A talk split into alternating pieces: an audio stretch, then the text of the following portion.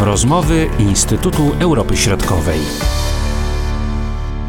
Witamy naszych słuchaczy w rozmowach Instytutu Europy Środkowej. Marcin Superczyński przed mikrofonami i dr Jakub Olchowski. Dzień dobry, Kubo. Dzień dobry. Rozmawiamy o bieżącej sytuacji na Ukrainie i może rozpocznijmy od ofensywy dyplomatycznej prezydenta Ukrainy, który odwiedza czołowych polityków, czołowe instytucje. Z jakim skutkiem? Najpierw warto powiedzieć o tym, że to nie jest y, coś nadzwyczajnego w wykonaniu prezydenta Zełenskiego, dlatego że trzeba pamiętać, że w, przez, właściwie przez cały zeszły rok rok, czyli ten rok, w którym Rosja dokonała inwazji na Ukrainę, e, Załęski też prowadził e, e, ogromną ofensywę dyplomatyczną. Oczywiście nie tylko Załęski, bo, bo cała dyplomacja ukraińska z ministrem Dmytro Kulebą na czele.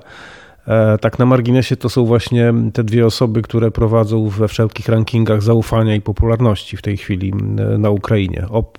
oprócz wojskowych, oprócz generała Załużnego.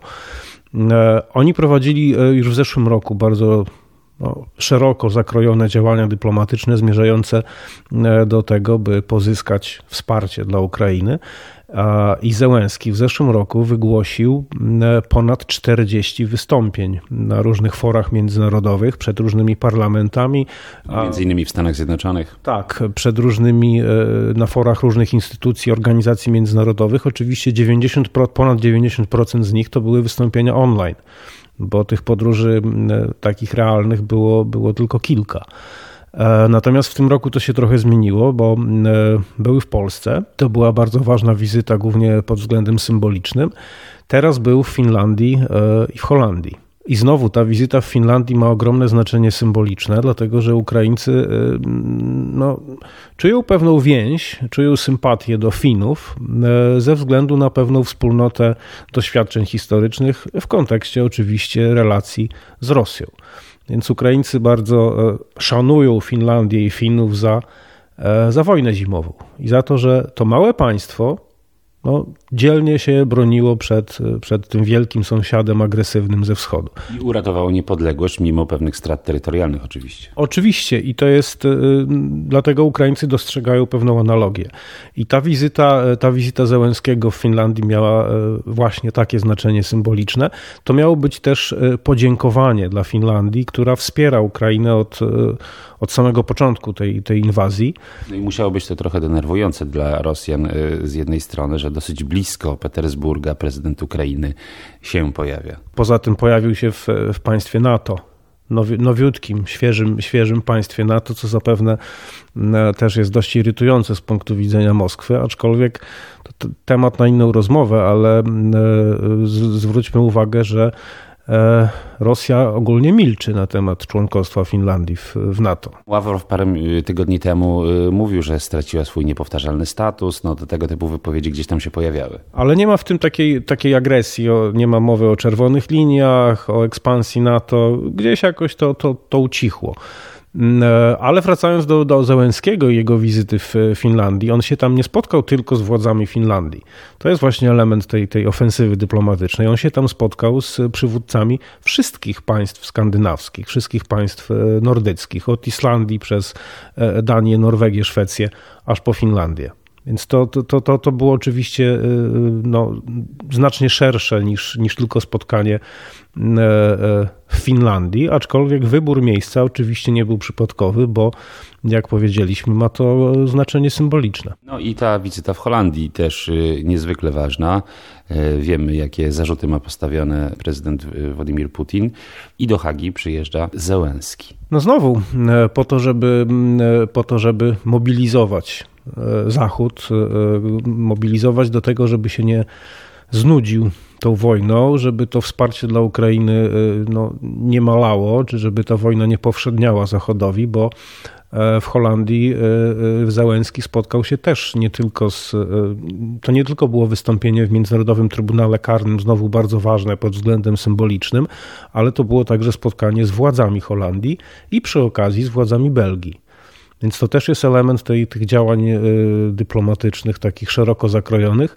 I takim elementem jest e, również udział e, Ołeny Załęskiej, małżonki prezydenta, w koronacji króla Zjednoczonego Królestwa, w Wielkiej Brytanii, króla Karola. Czyli cały czas trzeba, można powiedzieć, działać. No a co z działaniami na froncie, bo o tym też y, powinniśmy porozmawiać. Wiemy, co dzieje się w Bachmucie, jak wygląda y, sytuacja w tamtym y, rejonie, no i też te informacje o zbliżającej się, nadciągającej ofensywie ukraińskiej. Co możemy powiedzieć na ten temat? No, o tym wszyscy mówią. E, wszystkie media w różnych częściach świata wciąż mówią o zbliżającej się kontrofensywie czy ofensywie ukraińskiej. I, I to jest też element trochę wojny informacyjnej, bo im więcej jest mowy o tym, tym większy jest ten chaos, ten szum informacyjny i tym mniej pewnych wiadomości. Ale ja myślę, że to dobrze i że to w, w pewnej mierze są celowe działania ze strony Ukrainy, e, ponieważ jak mówił minister e, obrony narodowej Ukrainy e, Reznikow, e, trzy rzeczy będą decydowały o, o, tej ofensywie, czyli wyposażenie i uzbrojenie, logistyka oraz szkolenie i morale. Ale jest jeszcze bardzo czwarty ważny element, który pewnie będzie w tym wypadku kluczowy. A pamiętajmy, że tu chyba Ukraina ma chyba tylko jedno okno możliwości. Czyli jeżeli ta, ta ofensywa, jeżeli do niej dojdzie, a pewnie tak, E, się nie uda, no to będzie e, bardzo, bardzo źle, nie tylko pod względem militarnym, ale także właśnie pod względem e, poziomu poparcia dla Ukrainy z zewnątrz. To jest warunek. Powodzenie tej, tej, tej ofensywy to jest jeden z kluczowych warunków utrzymania tego wsparcia z zewnątrz. A żeby ona się udała, to potrzebne będzie też najprawdopodobniej będzie potrzebny element zaskoczenia. Rosjanie nie mogą e, wiedzieć ani się domyślać, e, gdzie i w którym miejscu dojdzie do tego, dojdzie do tej ofensywy. Zresztą bardzo ostrożnie, e, dawkując informacje władze Ukrainy czy wojskowe władze mówią, że opcji mają wiele. Front jest bardzo szeroki i rzeczywiście opcji jest bardzo wiele, no ale gdzieś tam pojawiają się różne wypowiedzi po stronie rosyjskiej. Z kolei Prigorzyn grzmi w różnych kanałach informacyjnych, że ta ofensywa ukraińska to w zasadzie już się rozpoczęła. Prigorzyn też pokazuje mm, filmy, na których eksponuje rzędy e, ciał swoich e, poległych e, Wagnerowców. Mm, no, być może dlatego, że po pierwsze trwa tam no, pewien no, dość chyba zaostrzający się konflikt między Prigorzynem a, a między tymi strukturami i Szojgu między strukturami oficjalnymi wojskowymi Federacji Rosyjskiej, a właśnie Prigorzynem i jego środowiskiem i, i, i jego tymi, tymi strukturami paramilitarnymi. No a z drugiej strony e, prawdopodobnie on, on mówi o tej ofensywie, e, no właśnie po to, żeby jednak e, trochę szantażować Putina i, i, i uzyskiwać więcej dla tych swoich Wagnerowców, więcej uzbrojeni, uzbrojenia, więcej amunicji, więcej, więcej wsparcia też logistycznego ze strony armii rosyjskiej, która z tego co wiemy raczej niechętnie. Czy coraz większy jest rozdźwięk między, między tymi oficjalnymi strukturami wojskowymi, a tymi strukturami e, grupy Wagnera. W tym kontekście tej e, walki można powiedzieć o władzę w Rosji, która się toczy gdzieś tam w otoczeniu Putina, tego e, sporu pomiędzy tym środowiskiem Prigorzyna z jednej strony, a z drugiej strony środowiskiem monowskim ocenić ten rzekomy atak dronów na Kreml. Co to było, z czym mieliśmy do czynienia? Trudno powiedzieć. E, natomiast y, ja bym tutaj wierzył e, e, Ukraińcom, którzy, którzy twierdzą no, tyleż stanowczo, co, co spokojnie, że, że nie mają z tym nic wspólnego, bo cóż by miał im dać taki atak. Owszem, e, w Rosji właściwie codziennie dochodzi do różnych dziwnych wydarzeń. Płoną składy ropy, płoną fabryki i tak dalej, węzły kolejowe. E, często jest to spowodowane właśnie po prostu atakami dronów. To, to rzeczywiście tak się dzieje. Natomiast e, czy, czy Ukraińcy atakowaliby Kreml dronami w nocy? Wyeliminowanie jednego człowieka E, najbardziej chronionego w Federacji Rosyjskiej, w najbardziej, czy jednym na pewno z najbardziej, najpilniej strzeżonych obiektów, bo na pewno Kreml jest takim obiektem, jednym z najbardziej pilnowanych w, w Rosji. E, wyeliminowanie jednego człowieka, tym bardziej, że nie wiadomo, gdzie on jest, e, a jest ich zresztą chyba ze czterech, tak swoją drogą, więc gdzie który jest, tego nie wiem, czy to wywiad ukraiński wie, no to byłoby rzeczywiście dość irracjonalne. i właściwie do niczego, do niczego niepotrzebne i mało prawdopodobne, żeby to się w ogóle dało zrobić. To pewnie jest jakiś element rozgrywek wewnętrznych, ale też po prostu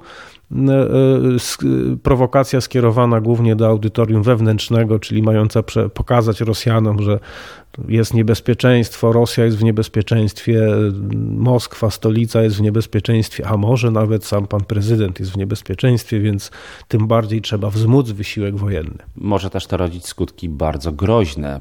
No tak, zresztą no, w, w, władze rosyjskie zapowiedziały, że w związku z tym rzekomym atakiem terrorystycznym, bo to oczywiście atak terrorystyczny. Ataki rosyjskie na e, supermarkety i stacje benzynowe to nie są ataki terrorystyczne, natomiast e, jeżeli Ukraina atakuje Rosję, to już są ataki terrorystyczne, oczywiście w retoryce e, kremlowskiej. Więc Rosja zapowiedziała, że takie kroki odwetowe podejmie, jakie uzna za stosowne. Co się za tym kryje, tego nie wiemy, ale też ja bym tego nie przeceniał, bo, bo jakież jeszcze mogą kroki odwetowe podjąć i tak e, e, prowadząc wojnę przeciwko państwu sąsiedniemu, bombardując miasta, infrastrukturę, etc. No cóż jeszcze mogą zrobić? Dziękuję bardzo za ten komentarz, za tę rozmowę. Do usłyszenia, do zobaczenia. Jakub Olchowski. Dziękuję bardzo. Były to rozmowy Instytutu Europy Środkowej.